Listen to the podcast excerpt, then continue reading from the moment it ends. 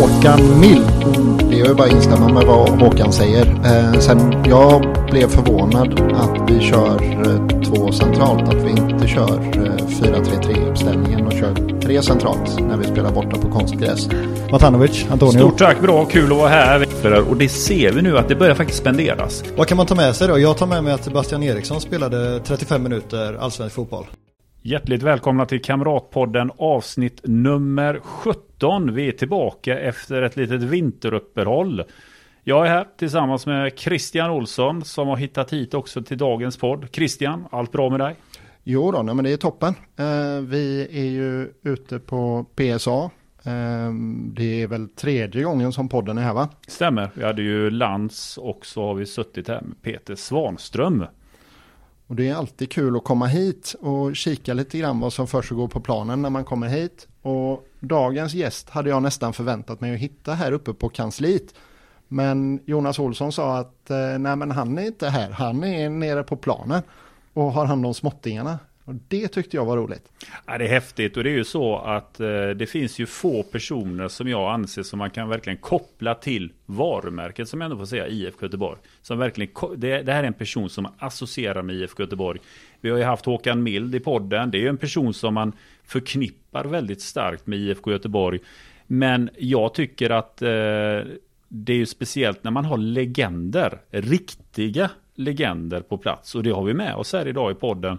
Vi har en person som har eh, lett det här laget till stora framgångar under 90-talet. Vi har huserat i Champions League med den här personen eh, under 90-talet. Och också så är det samma person som år 2002 räddade det allsvenska kontraktet. Och är en person som ligger mycket, om inte nästan allt, bakom allt när det gäller våran akademi, våran ungdomssatsning och har en fantastisk resumé inom svensk fotboll, men speciellt inom IFK Göteborg. Så det är med stor ära som vi sparkar igång vår podd den här säsongen med Roger Gustafsson med i podden. Hallå Roger, hjärtligt välkommen hit. Det är en stor ära att ha dig här. Hur mår du? Tack. Jo, efter den presentationen mår jag väldigt bra. Det ska ja, men det, den är, är snäll. Är det så mycket den... man har varit med om liksom? Ja men det är ju häftigt mm. ändå liksom. Man ja, har ju följt, eh, när, när jag själv började följa IFK Göteborg, det var ju när du var tränare. Eh, första, det var ju när jag blev på riktigt, man kan säga kär i IFK Göteborg. Det var ju kvartsfinalen hemma mot Bayern München. Jag har ju alltid gillat tysk fotboll, men reagerade över att jag blev förbannad över att Blåvitt åkte ut. Och ställde mig frågan varför då? Men det visar ju sig då att det fanns ett genuint intresse att följa IFK Göteborg. Och så har det ju varit sedan dess häftig resa och häftigt att ha det här och se allting det du har gjort. Mm, tackar. Vardagen här, det började ju med att som Christian sa, eh, du var inte ens här uppe på kontoret. Du var nere och tog hand om eh, småttingarna idag. Ja, idag var det, vi har ju, vår verksamhet eh, med ungdomarna startar i 12-årsåldern. Så vi har ju verksamhet ända från sex år mm. med spelare som är med i andra föreningar som kommer hit och tränar. Och de, där brukar jag vara med på de träningarna. Mm. Det är kul. Det är ja. verkligen kul. så jag, gammal man får ju liksom eh, pigga upp sig och mm. ja, det gör mig yngre också. Är det det du tycker är roligast med att ta hand om så här unga, unga spelare som är här? Att det är eh, att du håller dig alert, att det är väldigt roligt på jobbet att få massa unga, ung energi som springer omkring och för. Det är ju ett himla liv. Det är ju bra ljudnivå på de här ungarna kan jag tänka mig. Så det, det gäller ju att vara alert. Men det är ju det som är bra med det är väl lite grann den här glädjen eh, man känner då. Ja. Det är en naturlig spontan glädje de har. De kommer. De ska inte mm. liksom vara med någon lag och någon match utan de bara kommer hit och tycker det är jättekul. Mm. Det är roligt att vara med dem. Mm. Vad tror du att det här jobbet, ja men du gör i det här fallet med 7-8-åringar. Vad försöker ni få med dem i den här åldern som gör att de fortfarande ska tycka att fotboll är roligt? Ja, men det är ju lite det det går ut på det här. Vi försöker varje gång försöker vi göra lära träna på någonting då. En grej. Idag var det liksom använda bägge fötterna då. Mm. Mm. Använda både vänster och höger. Man visste inte riktigt vilken som var vänster och höger men det spelar ju ingen roll. Det var bägge fötterna i alla fall. Mm. Och så kör vi våran värdegrund i akademin liksom. Det kallar det kamratskap, kul, kämpa, kunskap liksom. Försöker trimma in det. Eh, så att eh, vi kör liksom, och så man kan säga den åldern de ska ha roligt och kanske lära sig älska fotboll ännu mer då. Eh, men de ska också försöka lära sig träna. Mm. Det är också lite speciellt att träna fotboll då. Liksom. Ja. Eh, att man ställer sig på ett led och så passar man och mm. har lite ordning och reda på det. Det är lite spännande för dem. Jag har, är, spelar det någon roll att de Märks det på dem att de kommer till IFK Göteborg? Alltså um, hela den här historien och det vi pratade om innan. Grabbar som är födda, grabbar och tjejer som är födda för 6, 7, 8 år sedan. De har ju inte sett Blåvitt göra så mycket Nej. väsen av sig. Nej, Nej de vet ju inget om IFK. De håller på något lag gör de, men det, de säger det i alla fall. De, en del håller ju på IFK, en del håller på liksom Barcelona och så vidare. Mm. Men, men annars är det väl deras eh, papper eller mamma, framförallt papper då som påminner dem och pekar liksom på mig kanske där han ja. har varit med förut och de fattar ju ingenting där men eh, när de kommer upp 10, 11, 12 års ålder då är det lite mer eh, sådär att de börjar eh, se vad IFK är. Mm. Men annars är det så att de är mest imponerade av att komma in i den här stora anläggningen och ja. träna inomhus och sådär. Det är väl Just det som imponerar på dem mest. Men jag tänker på det just det här med att föräldrar, för det kan jag tänka mig i den åldern, att det är föräldrar som är väldigt stolta, kanske lite extra glada just att deras son eller dotter är här och spelar. Men finns det inte någon risk att föräldrar i tidig ålder kan sätta press på barnen? Nu är det här IFK Göteborg, nu ska vi se om du har någonting med de här fötterna som man kan använda. Märker ni av sådant? Hur diskuterar man med föräldrar för att de ska förstå vad syftet är här, att barnen är här och spelar och vad ni vill få ut av de här dagarna? Jo då, det är ju eh, det är en av anledningarna att, att vi börjar i 12-årsåldern nu för tiden. Det är att eh, det ska vara lite eh, de ska vara lite mognare då spelarna. De har de tränat i en klubb kanske i sju år. Mm. Mm. När de var fem år började de kanske så kommer de hit efter sju år. De har hållit på med massa idrotter kanske och de har varit med en mindre klubb och haft jättekul, tränat mycket fotboll, spelat kanske i äldre lag där också, de som är duktigast och de har varit med om väldigt mycket sånt.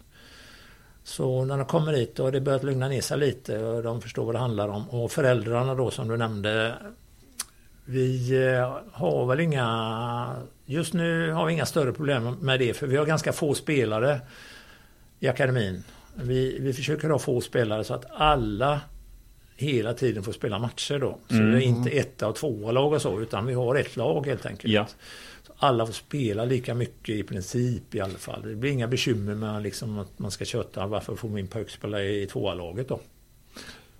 Alltså så kör ju inte alla elitklubbar som har akademier. Dels så börjar vissa med i yngre åldrar och dels så verkar de flesta ha många större, mycket större årskullar.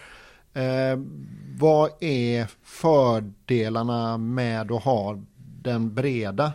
Jag, jag har ju fördelarna med att ha få, det är att alla får spela. Eh, vad är fördelen med, den, med de breda årskullarna? Ja, det kan vara olika saker. Det, det ena är ju om man har väldigt breda, alltså många Stockholmsklubbar då, upp till 4000 mm. ungdomar kanske, då, då kan ju det vara eh, även påverka publiksiffrorna så att säga. Att de får dit eh, barnen och föräldrar till mm. matcherna. Så det kan man göra någonting på publiksiffrorna i längden kanske.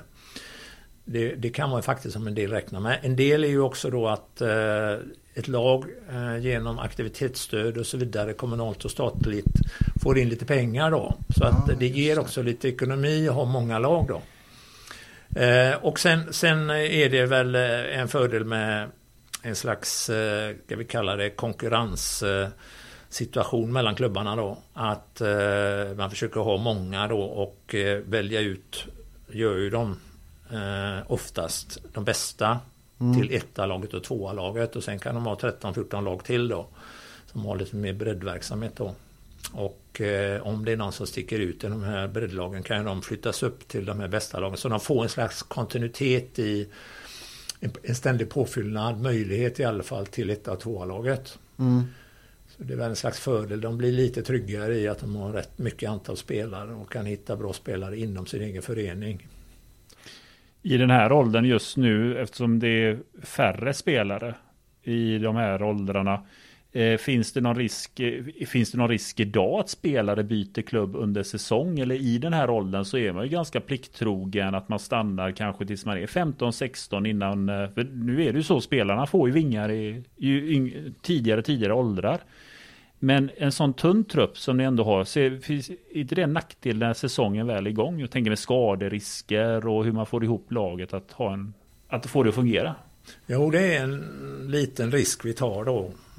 Vi ligger liksom på gränsen då ibland att eh, det kan gå förkylningar i de åldrarna i skolorna. Ja. Och, men eh, vi ser hellre det, eh, att vi är lite tunna då. Kanske bara en avbytare ibland och sådär. Det spelar ingen roll för oss egentligen. Det är ju inte det vi håller på med med resultat och så utan Hellre det än att det sitter sex stycken på bänken och det blir lite oroligt hur många minuter de får spela då. Så att alla får chans att spela matcher och så vidare. Så att det, det, passar oss just nu. Man ska aldrig säga all framtid. Man måste hela tiden vara beredd att utveckla saker och ting. Men just nu känns det väldigt rätt det vi gör då. Resultat nämnde du nu. Att det tittar vi inte på. Är det i åldern 12 år när de spelar? Att det inte är resultat ni tittar på? Vad tittar ni på istället? Vi tittar ju på eh, man kan säga när de är 12, 13, 14 så är det mycket de tränar olika moment. Mm. Vi har delat in det i en slags läroplan då. Vi tittar mycket på det momentet de tränar. De tränar väggspel exempelvis så tittar vi att de lyckas med det i matcherna kanske. Tränar på det lite mer i nästa träning och så tittar vi på nästa match och så. Man tittar väldigt mycket på att det man tränar på eh, funkar i matcherna mm. och kan utveckla det ännu mer efterhand. Då. Eh, resultat, man kan ju inte säga att resultat är oviktigt för att eh, alla spelarna på plan vill ju vinna eller alla spelarna i laget och vi vill ju vinna och föräldrarna vill ju vinna. Alla vill ju vinna. Mm. Men eh, det ska inte vara, det ska inte gå ut över utvecklingen då. Så att eh, exempelvis att man eh, toppar med de bästa spelarna för att man ligger under eller att man eh, spelar långa bollar då för att eh, större chans kanske vinna i slutet på matcherna då. Utan vi spelar våra spel och genomför enligt den utbildningsplanen vi har. Oavsett liksom att resultatet kanske inte blir det rätta just den matchen. Men där är ju intressant för jag tänker precis som det Christian sa innan. Eh, IFK Göteborg som klubb, som förening. Det är ju för många förknippat med en stark historik. Och jag tänker att föräldrar som har sina barn här som också är 12 år har ju sin bild av IFK Göteborg att nej men, hamnar man i en akademi i IFK Göteborg då snackar man ju vinnarkultur kan många få den direkta känslan. Hur hanterar man för, för det blir ju återigen, hoppa tillbaka till det där med föräldrar. För det, det är ett problem generellt sett att de har ju en ganska stor påverkansfaktor på spel, barn i ung ålder. Hur eh, får man med dem på den här resan att här pratar vi om utveckling, att utveckla spelet. Resultatet, det kommer. Ja, det är alltså om vi hade förlorat väldigt många matcher då är det klart det hade kommit det bekymret. Men mm. nu är det så att de är ändå så pass bra spelarna så de, de vinner väldigt mycket ändå. Ja. Så det är ingen oro med just resultaten. Så att det, det kommer naturligt med resultaten. Men eh, vi har väl eh, alltså en filosofi att försöka vinna alla matcher. Men det ska aldrig gå ut över våran värdegrund. Nej. Den här 4K jag nämnde. Eh, och det ska heller aldrig så att säga gå ut över spelarnas utveckling. Mm. Mm. Man kan säga att typ Barcelona har samma grej. För att ta ett exempel. Just det. De har att de ska försöka vinna alla matcher. Men de ska alltid spela bättre fotboll än motståndaren. Och alltid spela schysst. Mm. Så det är deras grej. Man, man kan ju liksom försöka vinna. Men det ska vara under vissa förutsättningar. Ja. Men jag tänker, då blir det ju lite grann en skillnad när man tar klivet från det sista U-laget och upp till A-laget. För där, där händer det ju att huvudtränaren eh, sätter in en mittback på topp och kör långa bollar för att man ska få hem den där poängen eller de där två extra poängen i slutet. Eh, Ser du någon eh, fara med, eller ser du att eh, den skillnaden i inställning, eh, att det blir en extra tröskel för U-spelarna? Nej, alltså vi, om man sa det då 12 till 14 år, 12, 13, 14, där är det en grundutbildning, där är momenten och tränar väldigt viktigt. Sen när de blir 15 år så börjar vi träna väldigt mycket spelförståelse då. Mm. Träna olika spelsystem och förstå spelet, hur de här momenten de tränar tidigare, de hänger ihop under matchens gång. Eh, och sen eh, samtidigt med det så börjar de ju då eh, spela när de är 16 år börjar den första nationella seriespelet. Alltså de spelar de i, i svensk nationell serie. Man kan bli mm. svensk mästare som 16-åring. Så då blir matcherna viktigare för dem. Mm. Och då har tränarna i den åldern rätt att matcha laget för vinst i den här nationella serien. Ja, okay. Och eh, då kan de då exempelvis eh, låta spela stå över vissa matcher och spela andra matcher. Mm. Beroende på vilka man möter då. Så där är det ja. inte att alla ska spela hela tiden i de åldrarna utan där är det att alla ska få lika mycket matcher men man väljer vilka matcher. Mm. Så det blir lite skillnad. Sen när de kommer upp i sista gruppen här, U19, då ska de ju både träna och spela i princip likadant som A-laget. Mm. Så där är det väldigt likt A-laget, även med laguttagningar. Så de är förberedda när de kommer upp i A-laget. För det är väl egentligen, du nämnde ju Barcelona som klubb, är det en klubb som på ett sätt följer en röd tråd från A-laget väldigt långt ner i åldrarna hur man ska spela fotboll? Är det en förebild eller gör de det så? Och är det en klubb som man vill titta väldigt mycket på hur man har fått till den röda tråden från A-laget långt ner i åldrarna? Ja, alltså, eh, de har ju historiskt sett så var det ju eh,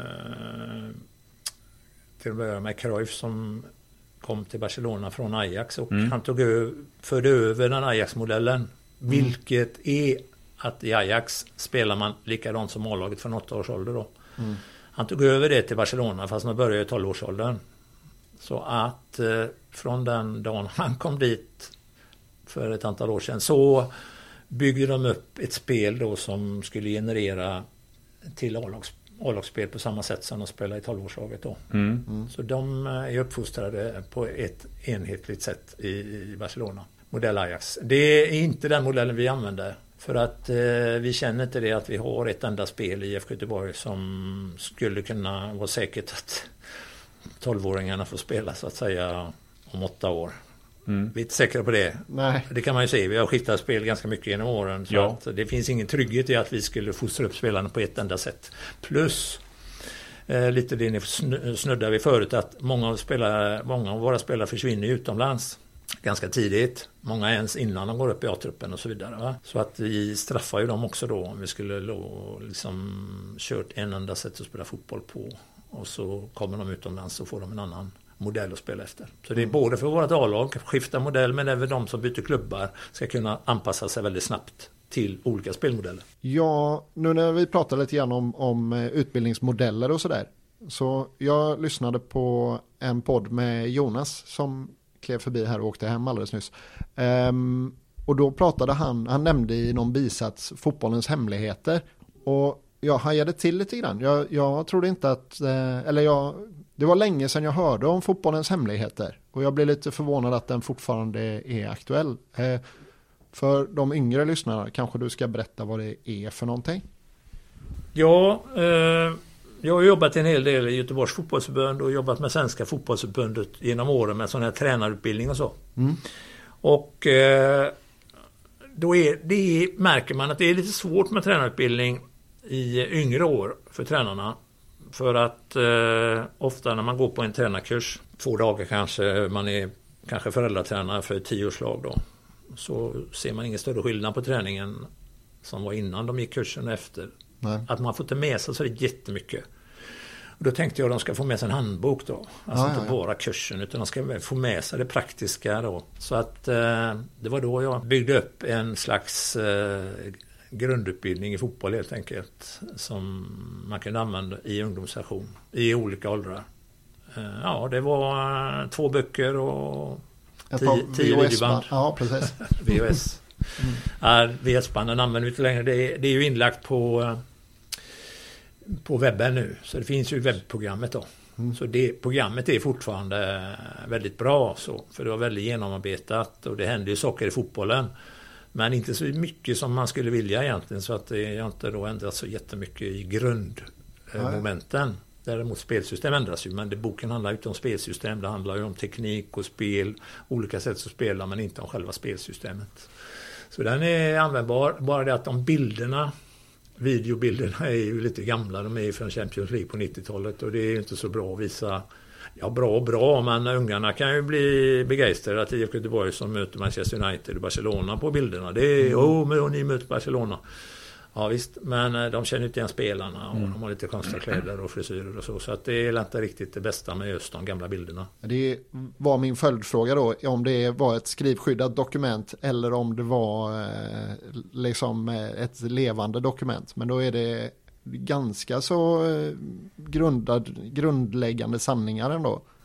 Ja precis. Man skulle ju vilja spela om eh, videobanden då men det är så Mm. jävla jobb alltså det. Och, och eh, det blir lite bekymmer ibland med det. Med, med, vi, exempelvis hade vi ju köpt in dräkter då när vi körde fotbollens hemlighet spela in den. Och hade vi svårt att få sponsorer men lyckades få Coca-Cola då på bröstet. Va? Eh, och det var ju problem sen då när de skulle sälja eh, paketerna runt om i världen då. USA och Asien och så. För hade de klubbarna eller förbunden inte Coca-Cola som Ja. sponsor så blev, kunde de inte köpa det. Så det var några redigerare som satt och suddade ut på varenda bild. Oj! Cola. Men eh, så det, det och dessutom ja, det tar tid att spela in då de här bilderna och så ska man ta matchbilder också. Det kostar ju pengar ibland att få loss matchbilder. Så att, eh, då på den tiden fick vi loss Champions League-bilderna. Man fick använda bilder på sin eget lag bara. Mm. Och man får bara utbildningssyfte då. Så det kunde vi få gratis. Yes, så ser det nog inte ut nu tror jag. Nej, det kan vara tufft att få loss bilder, matchbilder då. Ja. Speciellt på andra lag då. Du är inne på det här med just spelsystem, att det har hänt en hel del inom svensk fotboll. Det är ju inte jättemånga år man behöver vrida klockan tillbaks där svensk fotboll var direkt kopplat till 4-4-2. Eh, att man kunde se det i tidig ålder i allsvenskan, också för all del eh, landslaget. Det var på något sätt en linje som spelarna kunde känna igen sig i, att det här var svensk fotboll. När upplever du att vi fick börja se ett skifte i spelsystemet inom svensk fotboll? Ja, alltså det här med spelsystem det, det går ju fram och tillbaka. Så att eh, det är inte så att det finns ett spelsystem eh, en viss tid och sen kommer det aldrig tillbaka. Utan det kommer ju gå det här. Alltså 4 för 2 det finns ju fortfarande kvar många klubbar som satsar på det. Eh, vi själva då IFK hade ju då på 80-talet 4-4-2 väldigt Mm. hårt och det kom ju från Malmö FF från början. Med, med Brittiska influenserna. och sen Roy. Hodgson. Och, som tog över det. Så det var Malmö FF och Halmstad. Men eh, då tog IFK över och spelade det också då. Och de flesta klubbar i svensk fotboll. Så det var ju ganska enkelt på den tiden att rekrytera spelare i Sverige. För alla visste ju vad 4-4-2 var. Just så det det. var ingen inskolning direkt. Utan det gick direkt in bara att spela. Eh, men när vi, när jag var tränare för A-laget eh, början på 90-talet då så vi spelar sällan 4-4-2. Men Det är ju ingen som kanske uppfattar det men vi fick alltid skifta. För 4-4-2 har ju för och nackdelar som alla system. Mm. Och eftersom vi satsar rätt mycket på att vinna eh, Allsvenskan och gå ut i Europa och göra bra ifrån oss så höll ju inte det att spela samma spel hela tiden. Utan vi fick anpassa oss ganska ofta. Men vi sa ju alltid utåt att det är 4-4-2. Vi sa till och med till spelarna det är 4-4-2. Det är bara att vi går fram lite tidigare på högerkanten så Fast det kanske var 4-3 då. Men Ja. vi sa det är 4-4-2 bara med lite en offensivare högerkant. För det inte ska bli för oroligt då. Mm. För det var en trygghet. Och Det var en trygghet. Och det var då kopplat till vilket motstånd ni hade. Om ni hade Manchester United, då förstår man att du ställde inte upp på samma sätt som du kanske gjorde helgen innan mot Trelleborg. Nej, och plus eh, typ om vi fick, fick, fick eh, två väldigt skickliga kantspelare exempelvis till A-laget. Typ vi hade Jesper Blomqvist, eh, Mikael Martinsson, Peter R. Eriksson, Erik Wahlstedt eh, hade nog på högersidan och Jesper på vänstersidan där. Eh, Då gick vi fram med dem väldigt hårt. Mm. Istället för att de skulle behöva alltid jobba tillbaka och hjälpa backarna i 4-4-2 så Mm. fick vi la vi dem mycket mer offensivt och så la vi istället en av toppforwards lite bakom då och Mm. hjälpte mittfältet. Så det var egentligen 4-3-3 då. Men vi kallar det 4-4-2. Så. så det kom, det kom nog redan i början på 90-talet, det är din fråga där, när det började skiftas då. Ja, Fast det tar ju tid att skifta för det har varit så, varit så länge 4-4-2. Så det fanns en trygghet i det i alla klubbar. medialt sett så upplever jag att det är ju här eh, de senaste fem åren som det öppet pratas om att det spelas på ett helt nytt sätt och eh, vi har fått in en possession-era som många pratar om. Mycket bollinnehav, det ska vara boll, man ska vara trygg med bollen. Och hur ser du på den utvecklingen som om vi tar svensk fotboll där var den befinner sig just nu. Så tycker jag att vi ser många olika inriktningar. Om vi antingen är Hammarby, om det är Malmö. Eller om det är, numera ser man ju nykomlingar som vill spela sig fria. Och kanske inte kriga sig till poängen. Eh, det har hänt jättemycket. Hur ser du på det? Vad som skett nu inom svensk fotboll? Ja, men det är ju för det första är det väldigt bra utvecklande för ett lands fotboll om lagen spelar olika. Det tror jag. Så mm. det är nog mm. bättre än att alla spelar 4-4-2. Att eh, man hittar på lite olika spelsystem. Då blir det bättre utveckling på spelarna och på tränarna också. För att lära sig det och handskas med det. Men det var därför vi spelade lite olika också då. För det var tvunget när vi gick ut i Europa. Va? Och då kanske det är bättre att man spelar lite olika i svensk fotboll och utvecklas i och med det. För man får möta och spela och använda olika spelsystem. Eh, Possession kom ju till Sverige från Barcelona och eh, då var det ju egentligen så att eh, vi besökte ju Barcelona eh, några gånger med vår akademi på den tiden.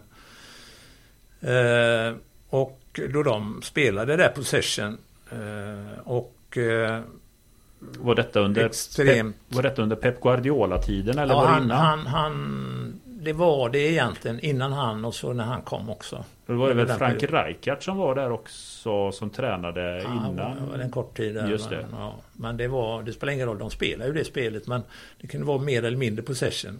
Eh, men eh, de hade ju då, när vi kom ner till dem och frågade liksom hur ni spelar och varför och så, då sa ju de, ja men vi, vi har två, två upplägg på vårat spel. Det är två saker vi tränar på, sa de då. Redan då alltså. Eh, vi tränar på, på possession då. Mm. Ja. Men nästa är att vi tränar på genombrottet i mm. straffområdet. Mm. Alltså komma igenom den här köttmuren då som blir när man spelar possession. Så blir det köttmur där nere. Att komma igenom. Så vi tränar på två saker. Sen när det togs över till Sverige, det här possession, så eh, kände jag att man glömde av det här del två så att säga, genombrottet. Utan man, man spelade possession. Men man kom aldrig igenom. Och det är väldigt svårt att träna på genombrott för tränare. Det är väldigt svårt att göra det matchligt på träning. Så jag förstår tränarna att de inte kom fram till det riktigt. Så därför blir det väldigt mycket bollinnehav. Men färre mål då. Men jag tänker, för jag, jag gjorde precis samma analys av uh, eh, läget när, när vi började spela possession i, uh, i Sverige och, och ja, men i, i Blåvitt också när vi hade den perioden väldigt tydligt. Och jag, jag funderar lite grann på vad det, vad det handlar om att man inte tränar på att man inte får till den biten. Um, och jag, jag, hade, jag och våra, mina kompisar satt och spånade över några öl om hur det kunde komma sig att man liksom inte får till det. Och vi hade någon teori om att Barcelona när de tränar på det här spelet så har de i princip 22 startelvespelare som är där ute och tränar. Det är väldigt lite kvalitetsskillnad mot de fyra backarna som, som eh, står på ena sidan och de fyra som står på andra sidan. Medan i allsvenska lag och kanske särskilt i Blåvitt under den perioden så är det väldigt stor skillnad mellan de elva startspelarna och de elva övriga spelarna i truppen. Och att det då på träning så kommer man igenom och lyckas med genombrottet men när man spelar mot motståndare så gör man inte det. För man har inte hög kvalitet på träningen helt enkelt. Nej, är, man måste ju träna det ganska mycket, genombrottet. Och det är, överhuvud, det är en faktor till som du berättade.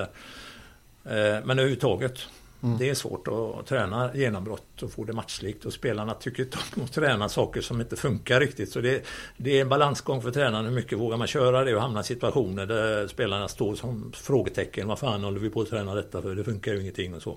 Så det är ett jävla tålamod för tränaren. Och stå på sig där. Vi ska tända det här genombrottet för vi måste göra fler mål och sådär. Mm. Så att eh, det är en eh, evighetsfråga eh, det här med bollinnehav kontra skapa målchanser då.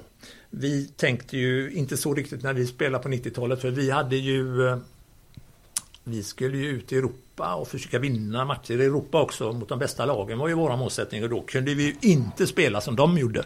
Nej. Det var det sista för de har ju bättre spelare på sina positioner normalt sett som är väldigt bra på det spelet som de har. Om det är possession eller vilket spel de än har. Så vi måste ju hitta ett eget spel mm. som hade, de hade, var ovana vid och som de hade svårt för. Det var ju våra målsättning. Och då använde vi det spelet i Allsvenskan, vilket inte alltid var bra. För vi tränar ju väldigt mycket, på tal om spelsystem eller på tal om eh, hur det ser ut med genombrott och allt det där. Vi tränar ju väldigt mycket på eh, snabba anfall. Mm. Ja. Men när vi spelade Allsvenskan exempelvis mötte vi, jag vet exempelvis vi mötte Brage här på Gamla Ullevi. De ställde ju sig där nere. Det blev ju inga snabba anfall för de ställde sig där nere hela matchen. Ja. Och då hade vi jättesvårt att ta oss fram för våra spel byggde inte på det. Utomlands, när vi kom till Europa, då var det perfekt för våra spel. För de var ju uppe med sitt lag och höll bollen och så tog vi bollen och stack som fan. Kunde jobba med omställningarna där. Ja. Men eh, det var det, när du är inne på eh, Bayern München där. Det, det är ju det olycksaliga att de fick en utvisning. Mm. Och då backade de ju hem. Ja, ja, ja.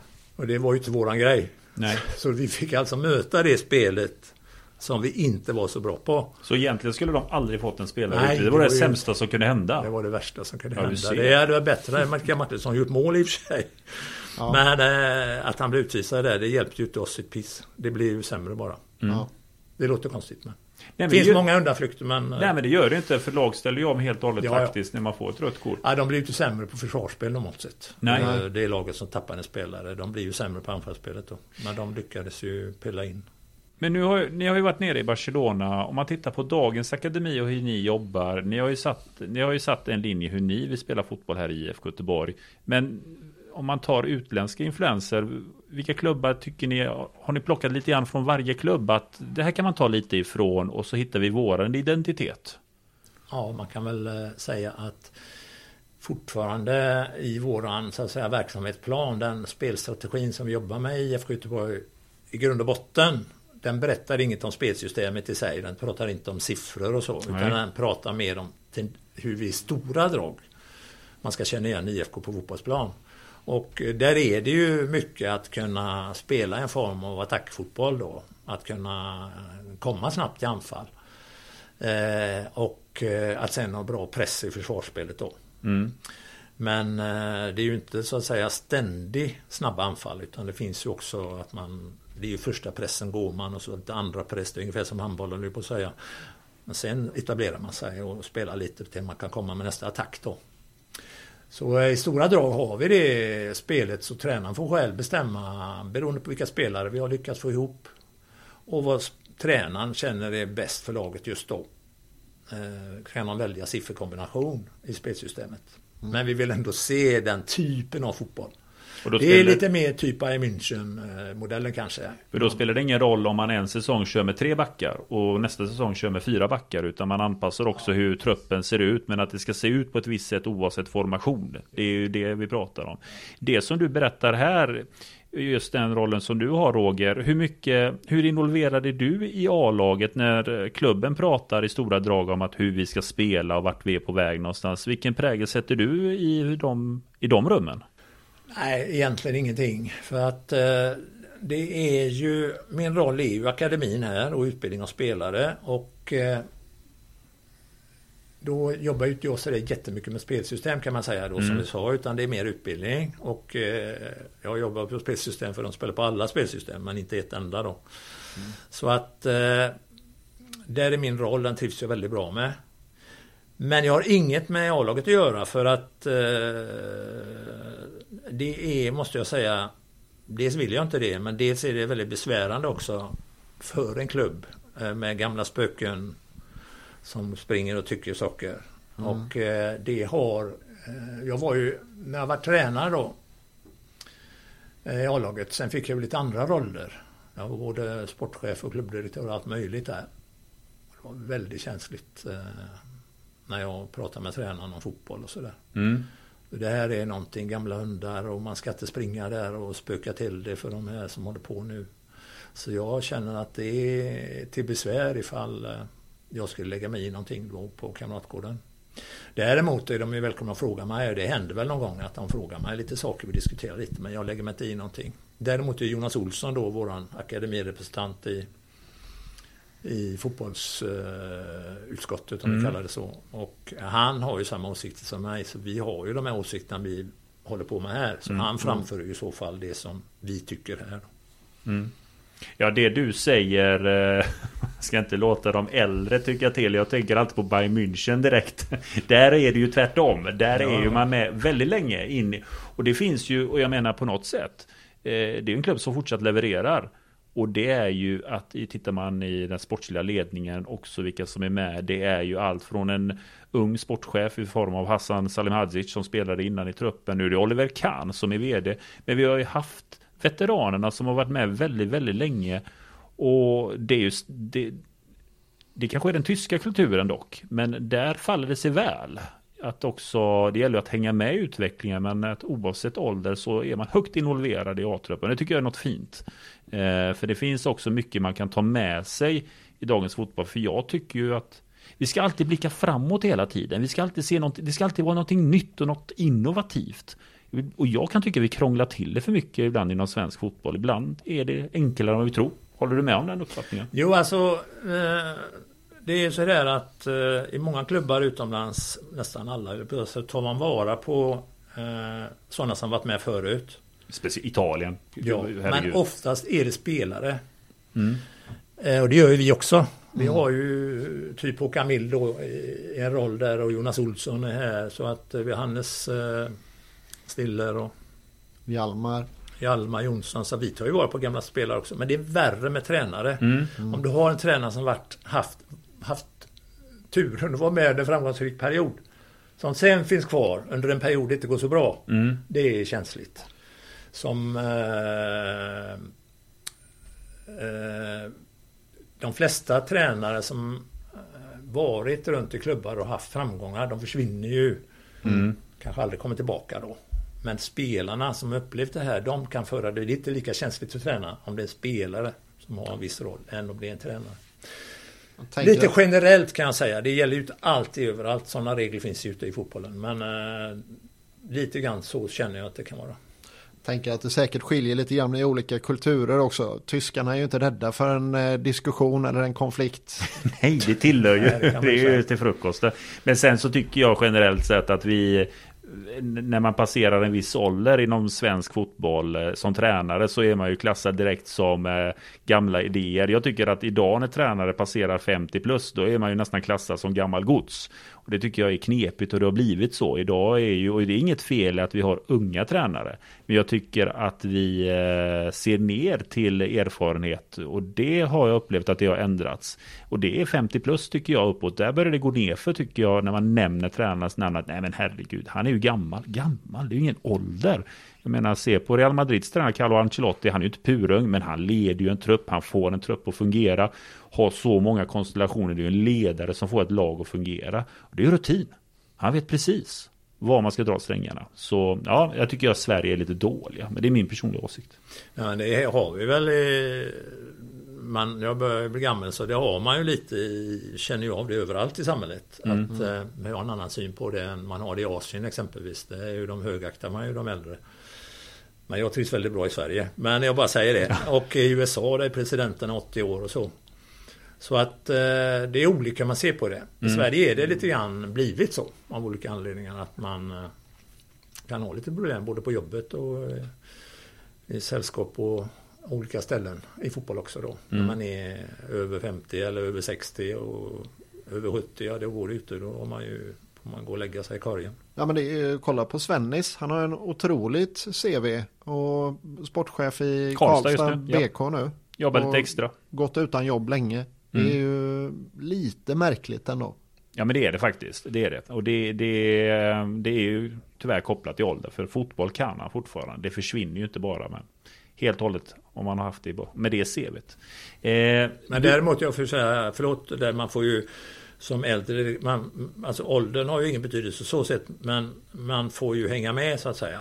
Man ja. kan ju, måste, man kan ju inte komma nej, nej. säga det, utan det får ju ligga liksom i yttersta framkant. Och, det och då man... spelar ju åldern ingen roll. Så är det, och då kommer ju följdfrågan. Eh, jag menar, du har ju drivit en fotboll på elitnivå som gick väldigt bra. Men hur håller du dig uppdaterad? För du säger ju själv här att du vill ju inte vara det här spöket som pratar om fotboll hur det var på 80-90-tal. Men hur gör du för att hänga med? Jag, jag gör ju alla sätt eh, jag kan då. Jag har ju i och för sig alltid varit sån att jag tittar framåt då. Så ligger liksom i framkant. Och när jag håller på med ungdomar nu här då får jag ju tänka liksom eh, 8-10 år framåt när de här spelarna ska komma upp i eliten då. Jag kan ju inte tänka liksom att vi ska träna som det är nu utan man får ju tänka sig fram. Hur kan det se ut om 10 år? De här är 20-22 år. Och det tänker du om 12-åringarna som ja, kommer det dit? måste vi ju. Mm. Vi måste ju, kan ju inte skola in dem i ett så här ser det ut idag. Utan vi får ju titta och det går ju inte att veta. Man får se tendenser, vad det är som händer. Typ utvecklingskurvor, det går snabbare och snabbare. Mm. Spelarna blir skickligare och skickligare tekniskt och spelmässigt. Och eh, det är mera höghastighetslöpningar. Så man får titta på kurvorna så. Vart är de på väg? Mm. Och så får vi försöka utbilda efter det då. Så att eh, det gör ju att jag håller mig jag har aldrig legat så långt fram i mitt tänkande som jag gör nu. Vilket årtal är du nu i? Ja, vad blir det? Det blir 2030. 2033 då. 2033? Ja, men Vad- vad har vi man för fotboll då, lever, men, eh, Så jag försöker ju följa med. Jag tittar på mycket matcher då på TV då från olika länder. Vilken tittar är- på sydamerikansk fotboll. Och, Jaså? Ja, allt, allt jag hittar. eh, Det går inte att titta liksom på hela matchen. Jag tittar på eh, en kvart där och lite där och för att se liksom olika tendenser runt om i världen på fotbollen. Plus att jag jobbar rätt mycket med Göteborgs universitet också med forskning och så vidare i olika aspekter. Så att vi försöker hålla sig... Plus alla unga tränare som kommer upp som är väldigt pålästa och duktiga, väldigt många och de går de här senaste tränarkurserna. Väldigt intressanta diskussioner om eh, fotbollens utveckling. Mm. Det funderade jag på hur, för hur man kan hänga med i fotboll. Det är ju väldigt lätt nu för tiden. Det är, har man bara rätt streamingmöjligheter och sådär så kan man ju se vad som helst. Eh, men hur följer man akademifotboll? Hur hänger man med i akademitrenderna? För det måste ju vara svårare. Det är ju ingen som livestreamar sina akademier. Nej, vi har ju... Svensk fotboll har ju kört igång, ja, svensk elitfotboll egentligen. Eh, ett projekt som funnits ganska många år nu som utvecklas hela tiden där man har en certifieringsprocess Just på det. akademier och vi träffas ju väldigt mycket inom de olika grupperingarna där. Ja, ja, ja. Eh, Jonas träffar andra akademicheferna då runt om i Sverige och jag träffar utbildningscheferna och tränarna träffar tränare och som håller på och byter erfarenhet och så åker vi gruppvis utomlands väldigt mycket och tittar och tittar på ungdomsträning som du säger för, i verkligheten då och så sammanställer man en rapport och rapporterar till övriga så det pågår väldigt mycket sån eh, Ah, okej. skanning av eh, fotbollen runt om i framförallt i Europa då. Mm. Ja men det, det låter ju vettigt att man gör det nationellt. Att man inte håller det, att inte Blåvitt åker för sig. Och någon, Nej, nej. Utan att man Nej. gör det. Det låter ju väldigt rimligt. Jag tror vi ligger väldigt långt fram i svenska akademier. Vad det gäller hur man eh, tränar och hur man spelar, där ligger vi väldigt långt fram. Eh, däremot eh, är det så att eh, de här största akademierna i Europa, de har ju väldigt hög nivå på alla spelare i sina lag, för de värvar ju från hela landet, Mm. från hela världen in i sina akademier. Så nivån är ju liksom den generella nivån på ett 13-årslag, 15-årslag, 17-årslag i de stora akademierna ligger ju generellt lite högre. Sen kan vi ha toppar då. Man har Mm. alla jättebra och deras matcher är ju mot lag som är lika bra. Det blir, där blir den stora skillnaden då Mm. mot eh, hur vi kan jobba här. Men just träningsmässigt och, och, och hur vi coachar och vad ni vill, spelsystem, vad som helst. Det ligger väldigt långt fram. Det här med det nya betygs, eller vad kan man säga, betygssystemet som ändå finns nu inom svensk elitfotboll. Eh, den ändrades ju nu. Nu är det ju sju stjärnor eller sjuskalig betygssystem eh, som klubbarna i Sverige tilldelas. Malmö FF, enda klubben som fick full pott. Eh, AIK, tvåa i listan. Fick de en sexa eller var det en stark, var det en fem plus de fick där? Men de är ju tvåa på listan och vi eh, tog ut en femma. Men vad är det som skiljer sig eh, nu att det är sju, en sjugradig skala till skillnad från fem? Vad är det man har lagt in som ytterligare parametrar inom svensk fotboll?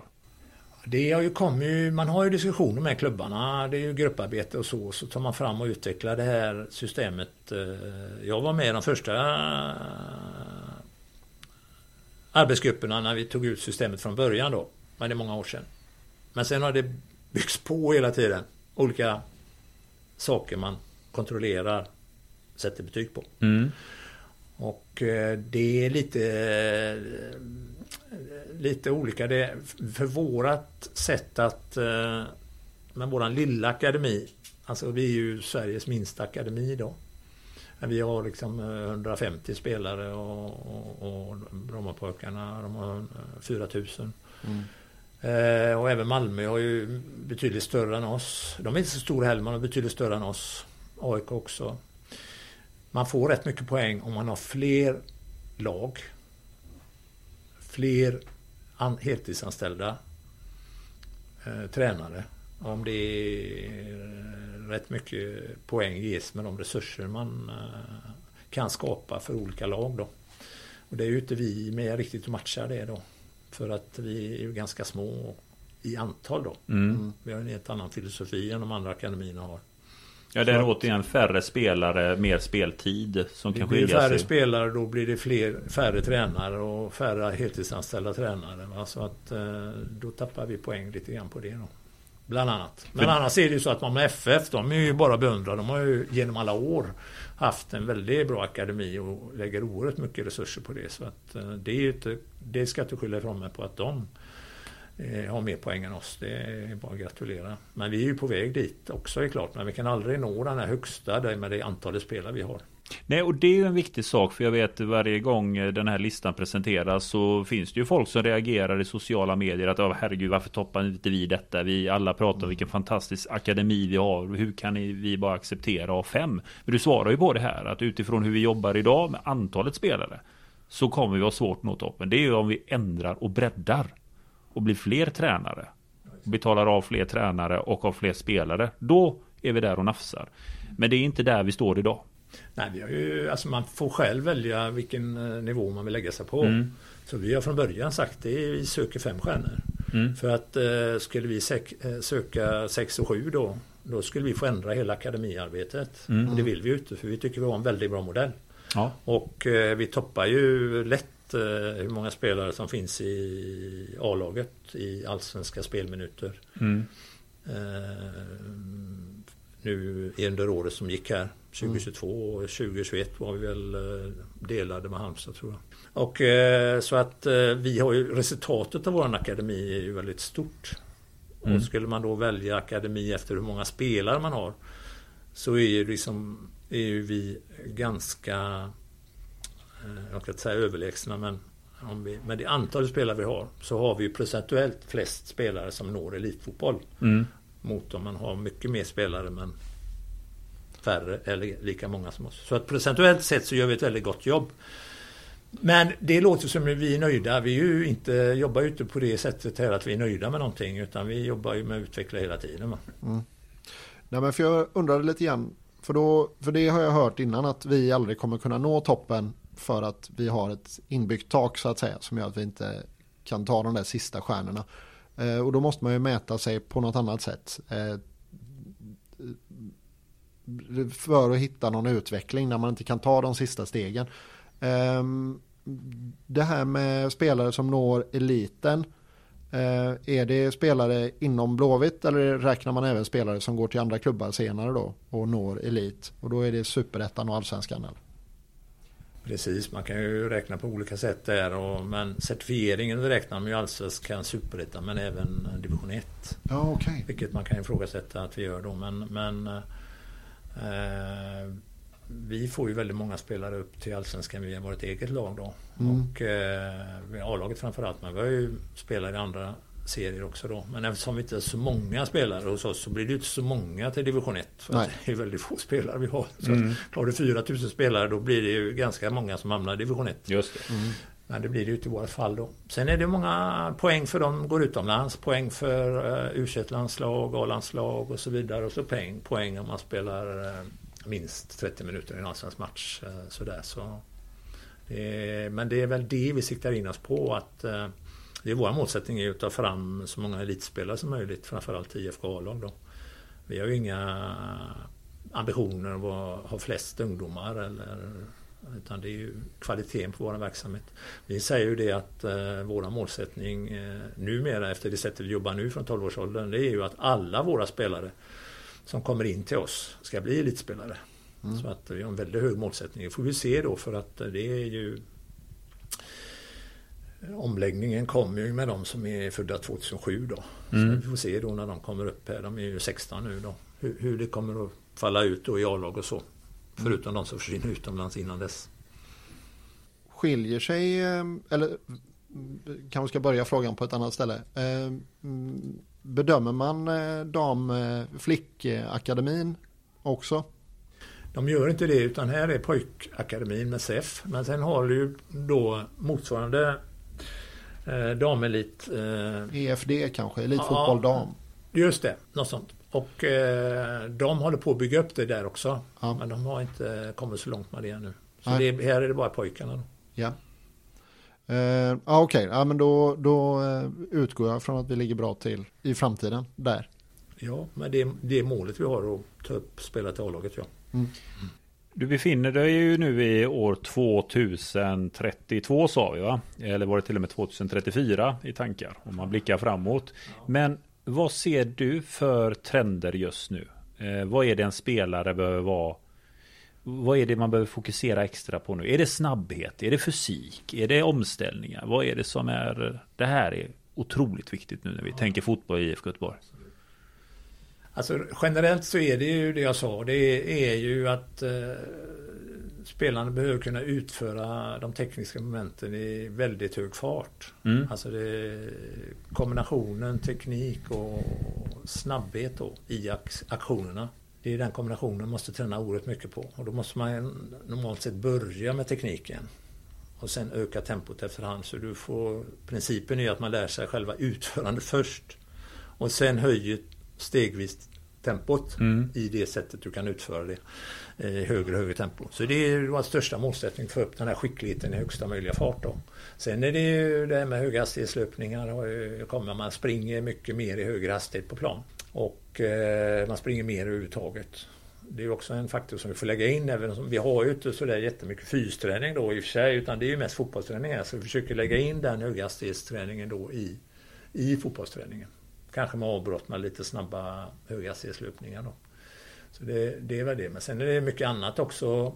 Spelarna måste vara ganska självgående. Vi jobbar väldigt, mer och mer jobbar vi med att spelarna ska förstå fotboll väldigt bra. Mm. Kunna klara sig själva ute på plan. Eh, ska inte vara tränaren som styr allting. Utan de ska själva kunna fatta beslut ute på plan i matcherna. Men även ha en insikt i hur de ska träna för att kunna bli riktigt bra. Och då är ju det här med motivationsfaktorn oerhört viktigt. Vi tränar ju liksom mer än någonsin på akademisidorna i Sverige så att säga. Och bättre träningar. Och då är det motivationen som är den springande punkten. Så det är upp till oss att motivera spelarna. Hjälpa dem med motivationen. De måste ju ha motivationen själva. Men vi stödjer dem i det motivationstänkandet då så att de verkligen eh, tar vara på varje övning som är på träningarna varje dag, varje vecka, året ut. Eh, sen är det, mentala aspekter i fotbollen också som vi jobbar rätt mycket med då. Att kunna, liksom pres, kunna prestera när det är som viktigast då. Det försöker vi också, även om inte våra resultat är de viktigaste i ungdomssidan, försöker även få med det här mentala. Kunna prestera som bäst så att säga när det gäller. Jag inbillar mig att man behöver balansera någon sorts eh, glädje och lust och hårdhet eh, där på något sätt. Hur gör man det? Ja, alltså vår, våra, våra kärnvärden här på akademin är ju Det är fyra ord som börjar på K va? Det är ju mm. kamratskap Det jobbar med stenhårt till att börja med. Och här på akademin då eftersom vi är ganska få spelare Alla känner alla. Mm. Alla spelare känner alla. 12-åring är ju high five med 19-åringen. Mm. Alla spelare känner alla tränare. Alla tränare känner alla spelare. Så det är en oerhörd gemenskap. Det tycker vi är viktigt med den kamratskapet som det skapar då. Eh, sen är det att vi ska ha kul också då. Det är mm. det andra K då. Så vi måste få in glädjen och det är någonting som har med tränarna hela tiden då. Och att vi inte glömmer det då. För det är när man tränar mycket, man syns varje dag och så vidare. Så att eh, de får bryta och känna det att det är något, något eh, att spelarna tycker det är kul då. Ja. Sen är det ju då kämpa. Att man orkar komma till träning och att man vill på träning hela tiden se till att göra övningarna så bra som man kan så att man hela tiden har möjlighet att utvecklas och bli bättre då. Och sen kommer kunskapen in då i bilden som vi ska då försöka hjälpa dem med och skaffa kunskap som vi de ska då vara motiverade att kunna ta emot. Då. Mm. Det är väl en slags blandning som du säger där va? Mm. Det, det, pratar vi rätt mycket om nu också. Vi har startat till och med ett projekt med det just eh, vi kallar motivationslyftet då där vi ska försöka jobba mycket med för det är ju rätt mycket med ungdomar idag hur de mår och så. Mm. Så att vi, vi, försöker, vi kör ett projekt med det minst tre år nu framåt. Vi försöker få Eh, även till föräldrar då, försöka prata med, rätt, med ungdomarna rätt mycket om det. Det här hur man mår, hur man äter, hur man sover och hur man kan mentalt förbereda sig för prestationer och så vidare. Och tycka fotboll är roligt även om det handlar om att prestera och så vidare. Ja. Det är intressant. Mm. Intressant där, vi, du nämnde ju det, du var inne på det kort där med fysiken. Eh, vi tränar kanske mindre i det fysiska idag än vi gjorde förr. Är det en rätt bild? Alltså det beror på man ser det generellt sett uh, ute i Europa, uh, ja, i världen egentligen, så, så blir ju spelarna längre och smalare. Mm. Det är ju långsam trend. Så det med styrketräning, det är ju mycket diskussion om det. Uh, det går att jämföra då med handboll och hockey exempelvis, där man kan lägga på sig ganska mycket Mm. och ha nytta av det. Men i fotboll så måste du springa väldigt mycket i hög hastighet. Och då är ju stora muskler en belastning. Plus den rörlighet som behövs i fotboll för det är rätt många konstiga rörelser man genomför. Så att eh, egentligen är den här styrketräningen, man var väldigt försiktig med styrketräning så att spelarna blir orörliga, långsamma och har för mycket muskler att ta hand om. Det är intressant där för jag läste en artikel eh, Hussein Kanel som berättade det att han känner sig just nu de är ju träningsläger i Spanien A-laget och han pratar ju om att han känner ju känner sig i jättebra form. Han har ju tappat en 10 kilo cirka. Eller han har tappat en hel del kilo för han hade året innan, han bodde ju på gym. Han hade kört så här två, tre gånger. Han tränade jättemycket styrketräning.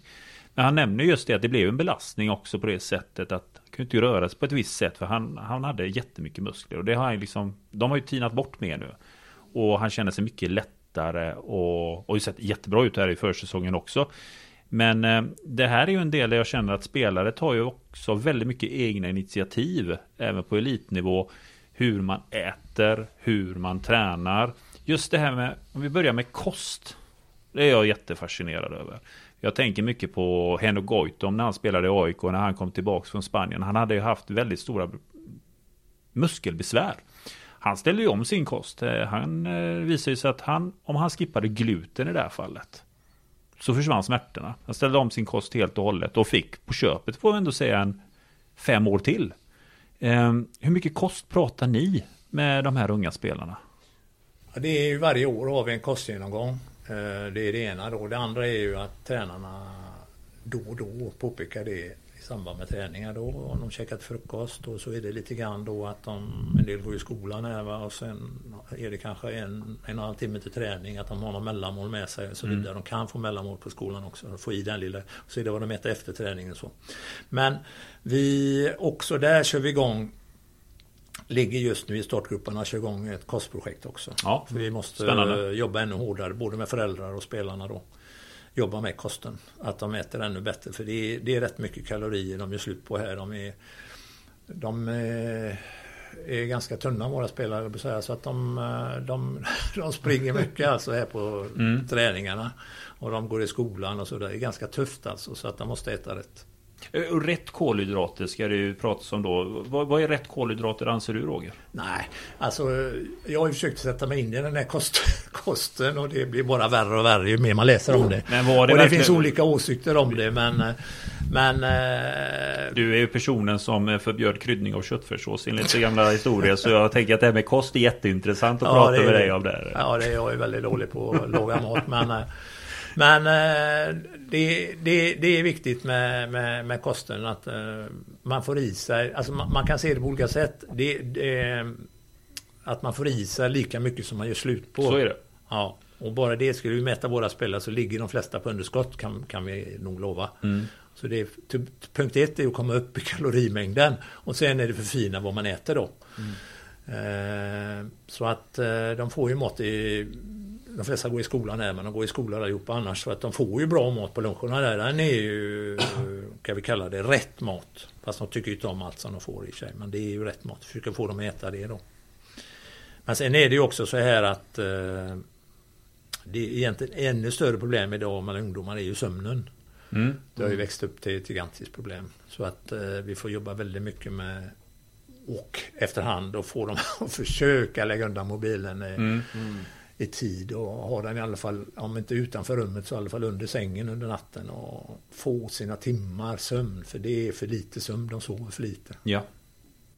Ja men det är ju intressant att ni har det här greppet för det är ju väldigt eh, rätt att prata om kost och om det här med sömn för det är, det är ju bränslet och bränslet måste ju användas på rätt sätt. Jag tycker ju att där är nej, men där har vi en utmaning inom svensk fotboll att Eh, många kan ju prata om vikten av kalorier men då blir det lite grann vilka kalorier som helst men det kan ju skapa en belastning för kroppen om den typen av kost stannar kvar i kroppen och inte förbränns på rätt sätt. Det finns ju bra mat och det finns ju mindre bra mat och vissa kan bara tänka att, och det händer ju, jag menar jag pratar ju med unga spelare som spelar på elitnivå. Man kan fråga dem, vad äter du? Allt. Allt, allt, allt. Jag är så hungrig hela tiden. Ja, du är ung, men vad hade hänt om eh, den spelaren hade haft den här kostrådgivningen som är perfekt för honom eller henne? Vi hade nog fått ut några procent fler. Så spännande projekt. Och det startar igång i år. Eh, ja, vi startar igång det på olika sätt stegvis här. Mm. Men eh, det, vad, vad, vad, man skulle kunna eventuellt...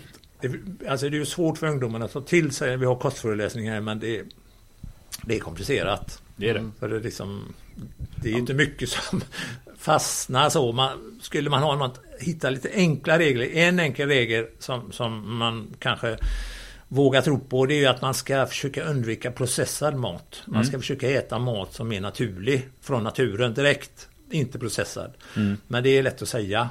Mm. Men eh, det är, man försöker hitta sådana grundregler. Mm.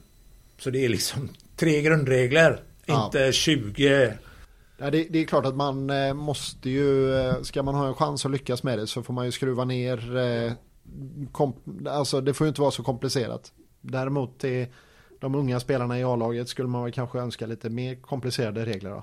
Jo, men det kan väl en enkel regel vara att om du köper en, om du ser en vara i butiken och den har en hållbarhet över en månad, då kanske du ska skippa den.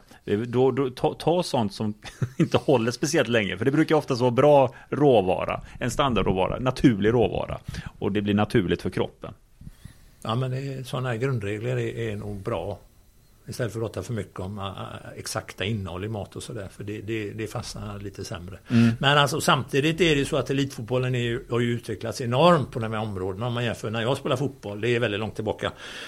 Mm, så idag de är ju de väldigt medvetna de flesta spelarna om att ja. äta rätt. De tränar mycket och, och, och, det finns mycket pengar inblandat och det är framtidsyrke och så. Alltså att eh, de flesta är väldigt seriösa ändå mm. och vill, vill. Alltså när de kommer upp i åren. Mm. när de kommer upp i 18, 19, 20 21, 22, 23. De flesta är väldigt medvetna om. Mm. Får inte tala om de spelarna som är över 20 år och upp mot 34. De har ju verkligen fått tänka till hur de ska äta för att hålla länge.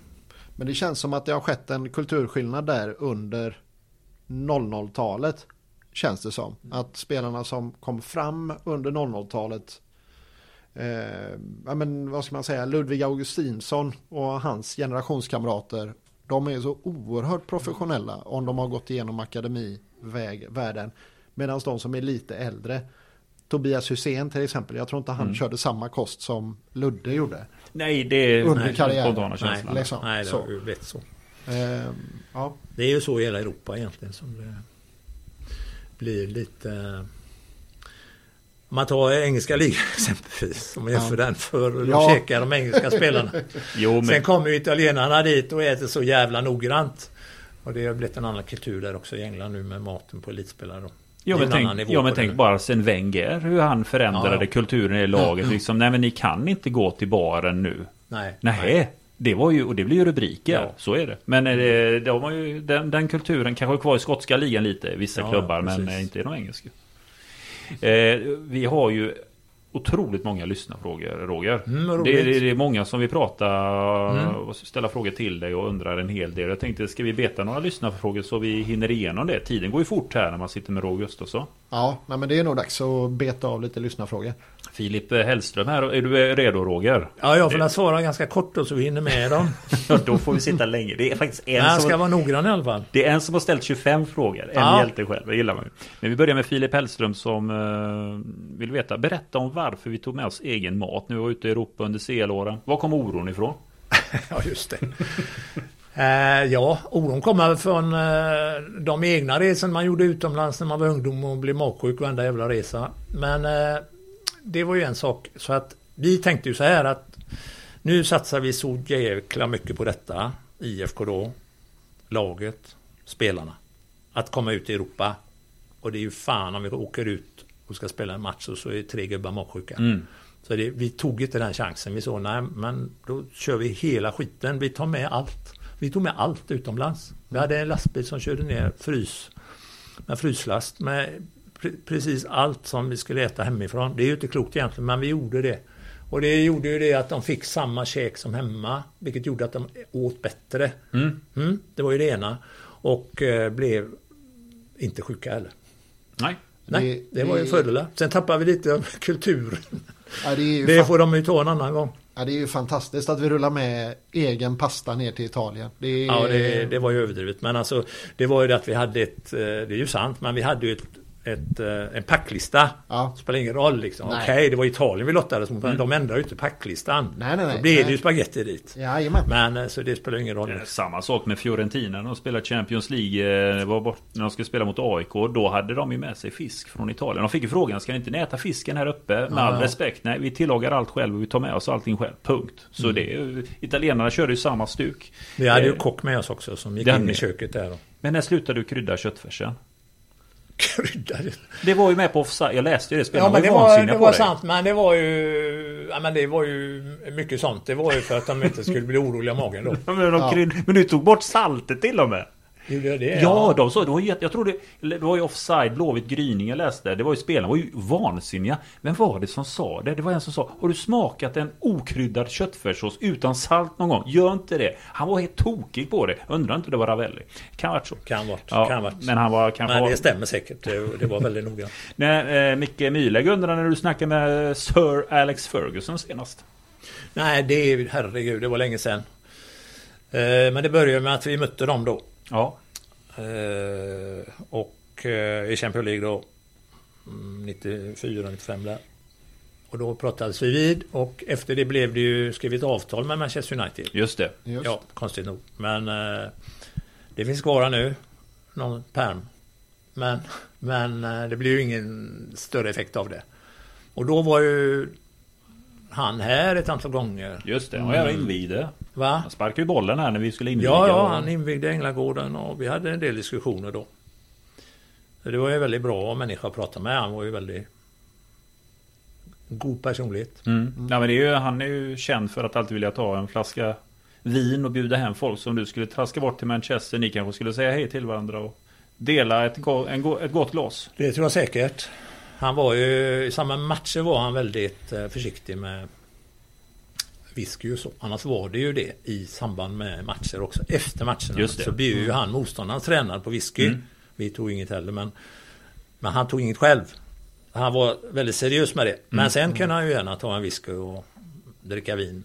Eh, när spelarna åkte hem och allt det där. Mm.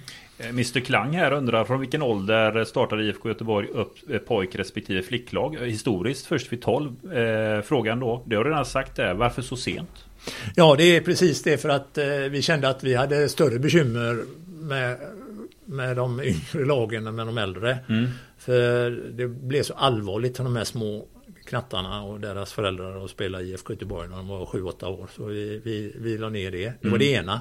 Det andra var att vi har en ganska liten akademi och då, då kan ju inte vi välja ut vilka ska vara i vår akademi när de är 5, 6, 7 år. Det går ju inte att liksom ha provträningar och välja ut du får vara med, du får inte vara med. Men när de är 12 år, då har vi eh, prova på-träningar kallar vi det lite finare. Så då kan vi hitta de spelarna som har rätt, tycker vi, förutsättningar, rätt intresse framförallt för att kunna gå hela vägen i IFK.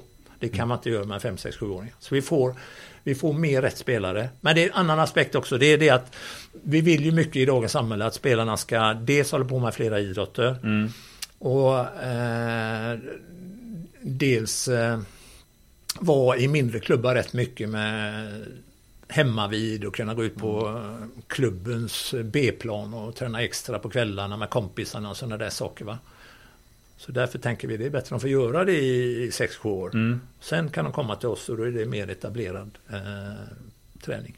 Yes. Experten undrar, tröttnar du någonsin på Guns eh, guldpytt? Nej, det var ju bara en gång om året så det var inte så lätt att tröttna på den inte. Den var god också. Köttbullemackorna var hon ganska känd för Kött, också. rödbetssallad ja. Du kommer ihåg Per Karlsson saknade det när han gick som bossman Ja, till. Wimbledon. Skulle han säga det kommer jag sakna. Men så Ja. gick han som bossman ändå. Så det det. klämde man i sig innan varje träning. Han åt det ofta sa han. Det var mycket rödbetssallad. Men det kanske var för mycket, jag vet inte. Ja. Eh, hur står sig, eh, Musslan här undrar, hur står sig Blåvitts akademi jämfört med de största klubbarna i Norge och Danmark? Sen vill han personligen säga stort tack för det enorma jobb som du har gjort och fortfarande gör för Blåvitt. Du är en hjälte, hälsar Musslan. Ja, det tackar jag för. Eh, Man kan säga att dansk fotboll är kommit väldigt långt på akademisidan.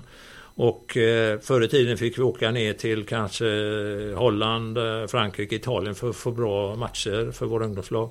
Det räcker att åka till Danmark idag. De är lika bra som, eh, deras ungdomslag är lika bra som de ungdomslagen i södra, södra Europa. Det är och så mellersta Europa. Så att det är väldigt tacksamt. Men nu börjar vi få kläm på dem. Så att vi blir skandinaviska mästare med, med vårat 17-årslag nu. Just det. Köpenhamn. FC Köpenhamn, vi slog i finalen var det va? Vi slog FC Köpenhamn och Midtjylland och Rosenborg. Och, så att eh, vi ligger eh, snäppet på dem nu här och kommer att kunna gå förbi dem hoppas vi. Är det Midtjylland som jag pekar på en vimpel här samt Nordsjälland och FC Köpenhamn som sticker upp i Danmark eller vilka är det som... Ja, det är de just nu. Brumby är ju där också. Ja. Men eh, efter Köpenhamn, de värvar ju Brumbys bästa spelare. Så att eh, de Jaha. har tagit en väldigt starkt grepp om ungdomsfotbollen på den nivån i, i Danmark. Då. Men Midtjylland har kört sitt koncept och Nordsjälland kör ju yngsta A-laget i Europa. Så att det är, det är väldigt intressant. Och vi var nere och mötte Nordsjälland nu då med våra 16 och 17 årslag. Så att eh, vi möter dem så ofta vi kan för Mm. att utvecklas. Peter Hermansson undrar eh, varför inte ta in Torbjörn Nilsson i akademin och varför inte ställa högre krav på tränare i akademin till exempel före detta spelare i klubben kanske inte är det bästa samt öka scoutverksamhet till de yngre åldrarna? Ja, det är en stor fråga här nu Roger. Nej men den är riktig. Vi har ju, ja Torbjörn Nilsson vet jag, jag tror inte han är så jätteintresserad av vara ungdomstränare just nu. Han, eh, annars skulle, är han ju jätteduktig. Men vi har ju eh, väldigt duktiga ungdomstränare nu. Vi har, det har blivit bättre varje år. Vi satsar Mm. oerhört hårt på att de ska vara duktiga ungdomstränarna. Så det, det är vi väldigt nöjda med. Så att jag har inte så mycket mer att säga att vi har verkligen de tränarna vi vill ha och som spelarna behöver just nu. Det är jättebra. För detta spelare, och vi tar ju inte spelare för detta spelare för att de är för detta spelare utan vi tar ju dem för att de kan vara duktiga tränare. Mm. Eh, Mr P här, har akademin blivit vad du trodde den skulle bli för 25 år sedan? Det håller den på att bli. Det, vi är ju inte framme nu men det har tagit en jävla tid. Och det beror ju på att vi har byggt upp så mycket eh, runt omkring. Vi har ju byggt upp, eh, vi har ju två skolor. En Mm. skola i Västra Göteborg, Änglagårdsskolan. Vi har på Olympia, eh, fotbollsgymnasium. Vi har hela den här anläggningen här som inte vi äger men hyr oss in i. Som kommer till för oss och akademin då, den fotbollshallen här. Och vi har byggt upp en flick och damlagsverksamhet. Så att vi har ju byggt upp allt från grunden nu. Mm. Och nu ska vi väl snart börja skörda gör man ju aldrig för vi får jobba som fan för att göra oss bättre hela tiden. Mm. Men eh, nu ser det riktigt vasst ut ner igenom. Målbild kanske är 2033 för då är du 82 och då vann vi Uefa-guld också. Ja. Så jag tänkte Perfekt. det kanske Ja, kan ja. man känna att då är vi hemma Roger. du känner jag. dig lite nöjd. Det hoppas jag. Eh, ska vi se, bör, bör Blåvitt träna mer oftare? För det tränade ju mindre på 80-90-talet och spelarna hade riktiga jobb också. Kan Tobbe bli tränare för det offensiva och Glenn för det defensiva så blir det succé enligt mig. Ja, Den eh, första frågan är, eh, ska man träna mer oftare? Du säger ju själv att ni tränar ju mer än någonsin här nu i akademin. I akademin tränar vi mer än någonsin. Men på elitverksamheten i svensk fotboll i allsvensk nivå tränar man eh, mindre än vi gjorde förr. Mm. Så jag vet inte varför det har blivit så. Men man är väldigt rädd för skador och överansträngning. Mm. Och det ligger säkert mycket i det.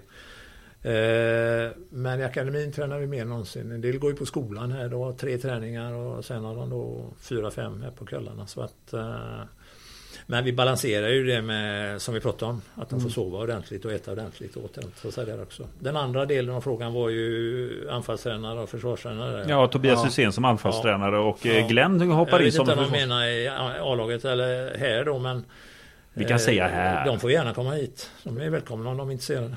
Där hör ni en tryout där, Tobbe Hysén och Glenn Hysén. Det är bara att se vad det går för så får Roger titta till där om ni sköter det. Eh, vi tar några Kristoffer Brun-frågor. Han har ju ställt så många frågor. Jag måste beta några här. Eh, först skriver han tack för allt. Så det är härligt. tackar vi för. Ja. Eh, innan det glada 90-talet. Hur hamnade du i Blåvitt egentligen? Eh, Det var första året 1982 82 då de vunnit Uefa-cupen så fick jag förfrågan att börja i Då tackade jag nej. Eh, men 83 började jag och då fick jag fråga, då var det Gunnar Bengtsson som frågade mig och Anders Bergman då. Gamla klubbdirektören. De, jag skulle ta hand om eh, B-laget och eh, juniorlaget då. Mm. Det var så. Började. Hur gick tankarna efter den allsvenska debuten och vad ändrade du egentligen till AIK-matchen?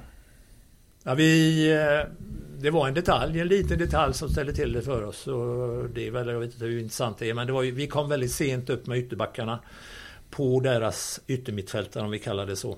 Alltså deras yttrar. Vi kom väldigt sent upp och de var väldigt bra på det i Norrköping. Det var deras bästa, bästa del av sitt spel. Så att vi kom för sent upp. Så nästa match mot AIK hemma så var, stod de med skorna på deras yttrar, yttermittfältare. Så då kom de inte fram AIK. Då vände vi på det. Det var den detaljen på ytterbackarnas position då. Det var mitt fel som hade liksom gett dem ett för lågt utgångsläge. Vi tog ett högre utgångsläge, tränade på det hela veckan, så vände vi på det. Mm. Ja, alltså det är så bra fråga. Jag måste ta några till här. Det är världsklass på dessa. Eh, det ryktas först och främst att alla A-lagsspelarna hade samma lön under 90-talet. Stämmer verkligen det? Alltså de hade i princip samma lön. Och eh, så hade de samma prestations... Eh, det var ju mer prestationsbaserat förr. Alltså om man vann SM-guld fick man vissa och vann ut i Europa fick man mer pengar. Och det fick alla samma prestation. Även om de inte spelat en enda match. Mot mm. om de spelat varenda match. Så att det var väldigt mycket lika princip. Om alla hade exakt samma, det, det är inte säkert riktigt för det berodde på lite på hur de jobbar. För hade de alltså ett jobb, då var det en överenskommelse hur mycket de skulle tjäna från arbetsgivaren och oss. Men fick de inget jobb så fick vi betala dem lite mer. Så det mm. blev liksom lite... Men principen var att de skulle vara lika, ja. Du, den här frågan. Eh, I boken Blåvitt gryning står det sidan 59. Jag älskar det. Att K-mark petades för bristande inställning 1995. Vad handlar det om egentligen? Nej, bristande inställning har han aldrig petats för. Eh, det finns nog ingen spelare som liksom har bättre inställning än honom. Han är ju, eh, han är ju nykterist, absolutist och han odla groda på balkongen. Så, mm. alltså, han är naturmänniska så. Så det var inte bristande inställning. Det var, det var detaljer i spelet som vi, Pontus och jag hade lite diskussioner om. Så ja. han fick stå över någon match där för att rätta till det. Ja, nej, men det är bra. Då vet vi att ja. det som står på sidan 59 i Blåvitt ja. gryning är inte riktig nej, sanning. Men, du, vad sa du egentligen till eh, linjemannen hemma mot Lega Warszawa? Ja, det var en olycklig situation. Det var så att eh, det ja, var, var väldigt upprört och då var det, kom det in en flaska på plan från läktaren. Mm. Och det ville inte jag domaren skulle se. Så när spelet var på andra sidan så sprang jag ut och tog den här flaskan. Men då var det en, eh, en spelare i det andra laget som ropade till domaren, kolla där! På sitt språk då givetvis. Ja. Och då tittade domaren på mig, då såg jag ute på plan med en flaska så. Och då var det ju på läktaren då. Ja. Mm. Okej, okay. ja. Så jag sa inte så mycket, det var mer. Det var mer handlingen. Ja, ja fel handling. Ja, där är, vi tar en fråga till här som är ändå ganska, tycker jag, kopplar lite grann till det här vi pratade om eh, med ålder som jag tycker är relevant. Eh, Kenneth Såra Andersson här. Roger, du är ju en hjälte, eh, men är det realistiskt att tro att 30 år gamla 30 år, metoder från 90-talet fungerar idag? Det är en annan tid och andra metoder som gäller idag. Det tycker jag du har besvarat att du är ju uppdaterad. Du sitter och tittar på sydamerikansk fotboll för tusan. Det är ju inte alla som kanske gör det. Men känner du dig uppdaterad och känner du fortfarande lika stor nyfikenhet kring vart fotbollen är på väg som du gjorde då? Ja, absolut. Uh, nej, det håller inte med de metoderna för 30 år sedan. Absolut inte, utan vi har helt andra metoder nu. Men uh, jag försöker vara verkligen uppdaterad. Jag är nästan själv, tycker jag, lite för uppdaterad. Så att uh, tränaren kan tycka att det är lite för långt fram i tänket kanske. Så att eh, jag får lugna ner mig lite. Men, men, det, har men, du sagt, eh, det har du sagt ganska länge va? Att du ska lugna ner dig lite ja, ja, ja, ja. Nej men eh, det är en självklarhet. Annars hade jag inte varit i den här rollen om jag känt att det var för gamla metoder. Mm. Nej, det är, vi tittar 10 år framåt istället för 30 år bakåt. Ja, eh, det är, vi kunde fortsätta eh, skriva. Kristoffer Brun där innan vi fortsätter där. Du, eh, dina frågor ska sparas. Vi kommer också ta dem med Roger vid ett annat tillfälle. Det är, det är cred att ställa 25 frågor till Roger Gustafsson. Ja, men, men, tiden går väldigt ja. fort där. Christian? Nej, men jag, nu när vi pratar om de här frågorna så det märks att folk folk har ju den blåvita historien väldigt nära. Eller i alla fall de som är kanske i, i min ålder och lite äldre. Eh, är det ett ok eller är det något som går att använda som en energi i akademin? Är det något som är tungt eller är det något Med som ger energi med Blåvitts historia? Ja, nej, men det är, jag tycker det är jätteviktigt med våran historia. Ibland så funderar man lite, vad är en fotbollsförening och sådär? Men vad är viktigt? Men jag känner ju det att eh, alla de människorna som på olika sätt eh, bidragit till IFK Göteborgs eh, verksamhet, framgång och motgångar, sen 1904, det är ju IFK Göteborg. Mm. Så därför får man ju vara, tycker jag, noga med historien. Men eh, att, att tänka bakåt för att hitta lösningar framåt det, det är ganska svårt. Utan man måste ju se den utvecklingen som är i fotbollen runt om i världen nu. Och i Sverige då.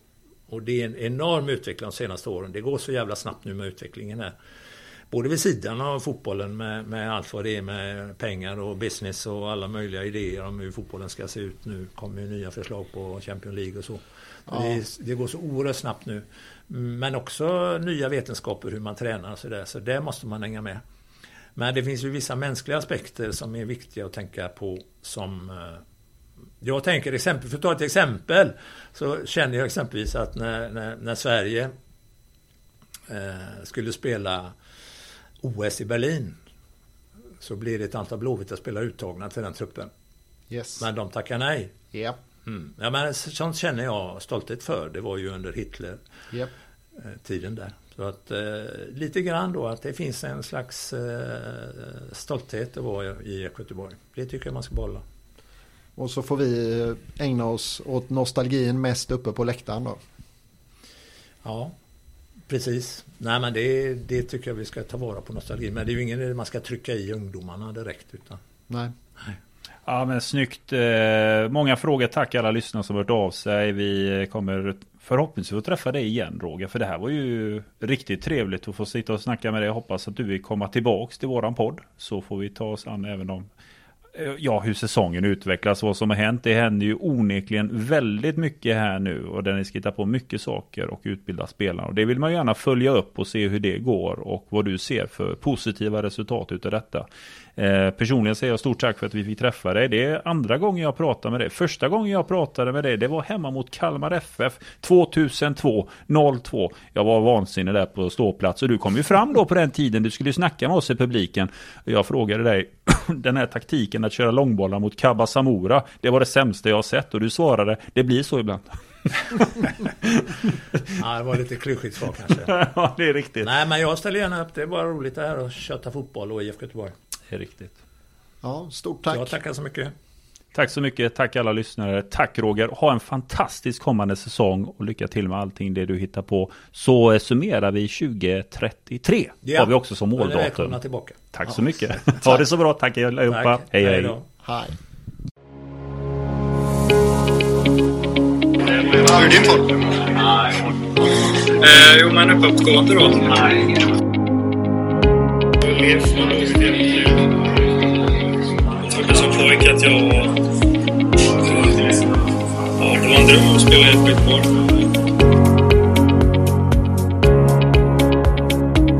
Håkan Mild.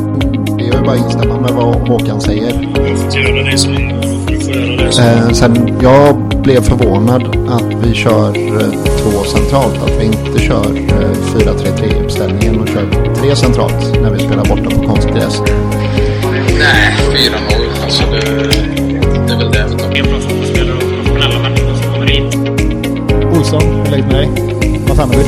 Stort tack. Bra. Kul att vara här. Vad kan man ta med sig då? Jag tar med mig att Sebastian Eriksson spelade 35 minuter allsvensk fotboll. Faktiskt det. Det är ju inte många år man ska vrida klockan tillbaks när man faktiskt kunde tänka sig att en spelaraffär in till allsvenskan över 10 miljoner. Det skulle nästan vara otänkbart. Det är många klubbar som senaste boksluten redovisade rekordsiffror och det ser vi nu att det börjar faktiskt spenderas. Eh, nej men det är ju en sån liga som är lite grann som Championship var förr.